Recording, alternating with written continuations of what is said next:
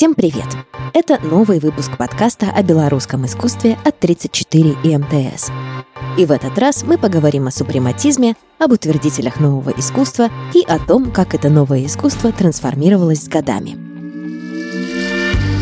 Помимо Казимира Малевича, основателя супрематизма, нашими героями в этом выпуске будут его ученики из Беларуси – Илья Чашник, Давид Якерсон и Надя Ходосевич-Леже – Итак, переносимся в Витебск, 1920 год. Здесь работает Витебское народное художественное училище. Оно располагается в бывшем купеческом особняке, тут 120 учеников и уникальная атмосфера свободы и творческого поиска. Обучение бесплатное, поступать можно с 15 лет. Изначально училище возглавлял Марк Шагал, но к 1920-му он уезжает в Москву, и теперь ректором становится художница Вера Ермолаева – а главное, сюда приезжает Казимир Малевич, рок-звезда нового искусства. Казимир Малевич в это время уже начинает разрабатывать теоретические основы супрематизма. Супрематизм – это новое направление в авангардном искусстве. Малевич основал его в 1915 году.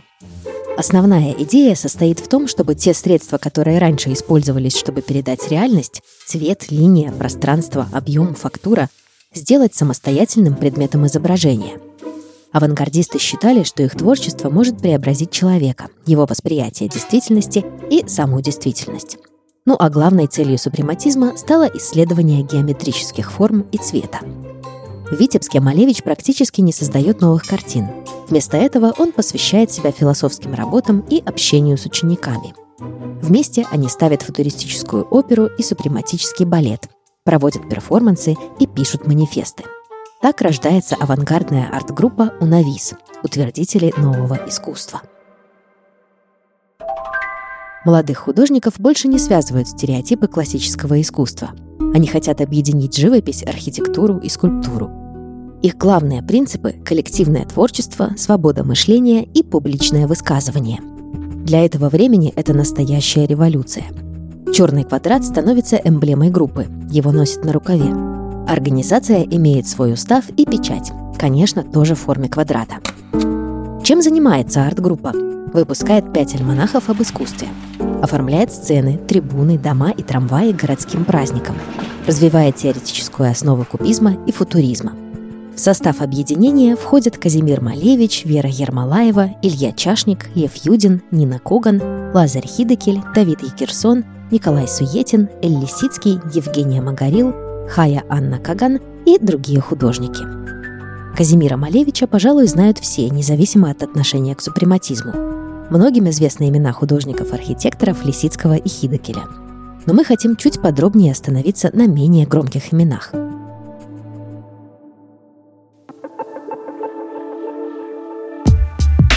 Илья Чашник и Николай Суетин становятся наиболее последовательными учениками Малевича. Их даже называют его апостолами – они изучают движение супрематических форм и воздействие цвета, создают целые таблицы с их анализом. Беспредметные композиции для них – это способ универсально изобразить и преобразить любые окружающие человека формы. Суетин и Чашник в 1922 году вместе с Малевичем уезжают из Витебска. Они работают на государственном фарфоровом заводе над прикладным супрематическим дизайном посуды. Красные и черные прямоугольники на белом фарфоре – смотрится невероятно современно. Мы бы с удовольствием пили кофе именно из таких чашек. Авангардный фарфор чашника оказывается в центре внимания в 1925 году на международной выставке декоративного искусства. Он получает много заказов, а Суетин – несколько призов. Кроме того, Илья Чашник еще разрабатывает супрематические орнаменты для текстиля и обоев – он экспериментирует с архитектонами, моделями беспредметной архитектуры и создает свой архитектон – крест с кругом. К сожалению, он умирает совсем рано, в 26 лет. Конечно, похороны такого художника становятся не только выражением скорби, но и супрематическим перформансом. Над гробом располагают изображение черного квадрата. На теле – ленту с надписью «Художнику нового искусства», на могиле – белый куб с черным квадратом. Аналогичный потом появится на могиле Малевича. Суетин же разрабатывает супрематический ордер в архитектуре, который, к сожалению, не находит практического воплощения.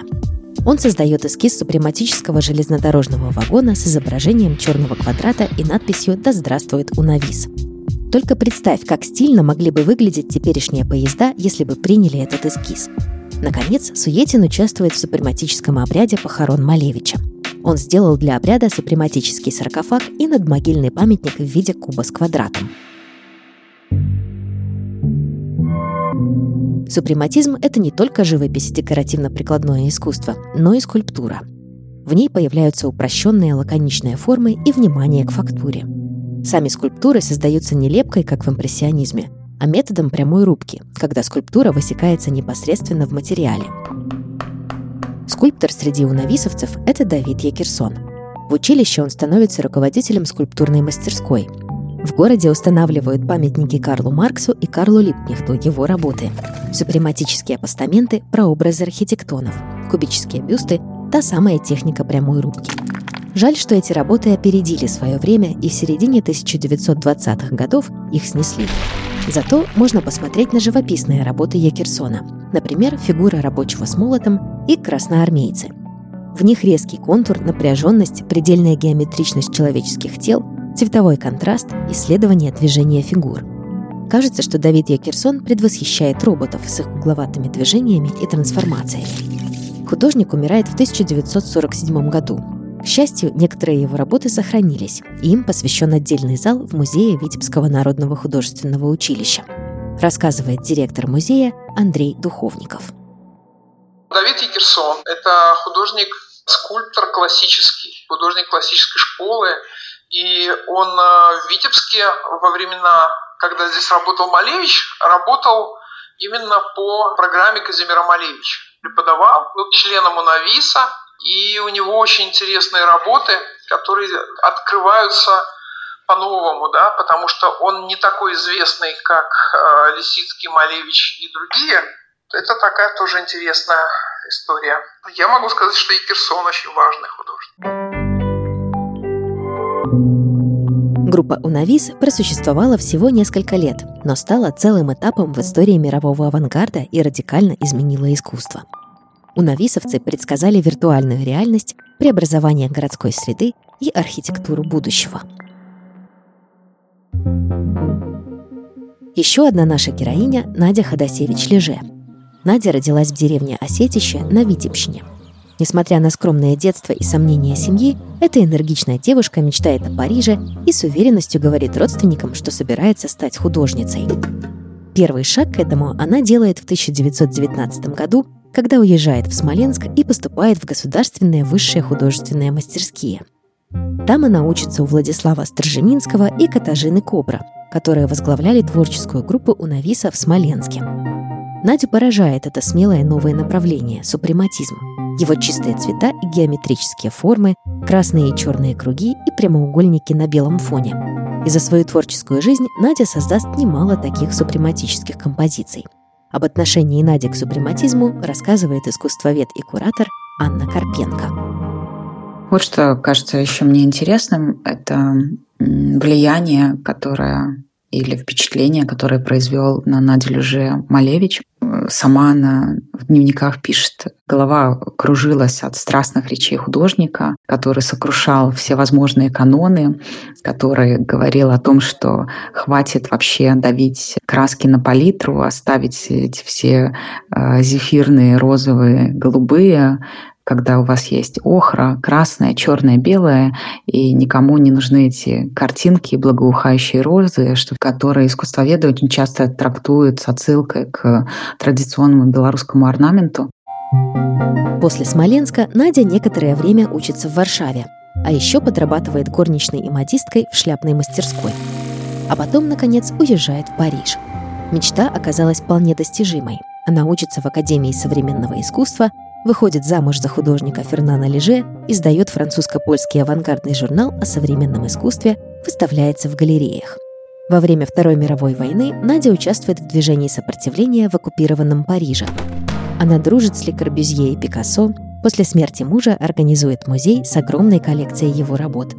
Несмотря на свою эмиграцию и железный занавес, Надя посещает Советский Союз, устраивает выставку Фернана Леже в Москве и выставки советских художников во Франции. Помимо живописи, она создает мозаичные портреты выдающихся деятелей XX века. Они сохранились в Дубне, Москве и в небольшом местечке Зембин в Беларуси. Отсюда была родом мать Нади, и сейчас здесь работает музей, где можно посмотреть на впечатляющие мозаики художницы. Вот что о них рассказывает искусствовед и куратор Анна Карпенко. Надежда Ходосевич Гробовская-Леже называла себя и плесуней, и танцоркой, и нянькой, и делопроизводительницей, и балериной, и модисткой. Никогда не называла себя художницей, что тоже интересно. Среди искусствоведов до сих пор идут споры относительно какой-то национальной идентичности. В общем, такая распространенная стратегия, как в случае с Шагалом, которого присваивают себе все. Понятно, что родилась она на территории Беларуси, но вся ее профессиональная деятельность с Беларусью, конечно, уже не была связана. Она училась в Варшавской академии штукпенькных, Варшавской академии искусств, где, собственно, познакомилась со своим первым мужем Станиславом Гробовским, затем оказалась в Париже, отказалась потом ехать в Америку и осталась э, в левом сопротивлении во Франции. В отличие от Шагала, она на родину возвращалась, возвращалась несколько раз. И среди работ, которые я бы рекомендовала, если так можно сказать, посмотреть, познакомиться, это прежде всего ее мозаики, которые хранятся в филиале Национального художественного музея белорусского в Зембине. Это шесть мозаик, каждая из которых весит порядка 200 тонн. Сделаны они из мальтийского камня и смальты над портиком Минского дворца спорта. Но Машеров не одобрил этот проект. Считалось, что это слишком абстрактная живопись. Надя награждена и Орденом Почетного легиона во Франции, и Орденом Трудового Красного Знамени в СССР. Эта энергичная и щедрая женщина легко переступала через любые ограничения, будь то границы между странами или стереотипы в обществе, как и должно делать любое искусство.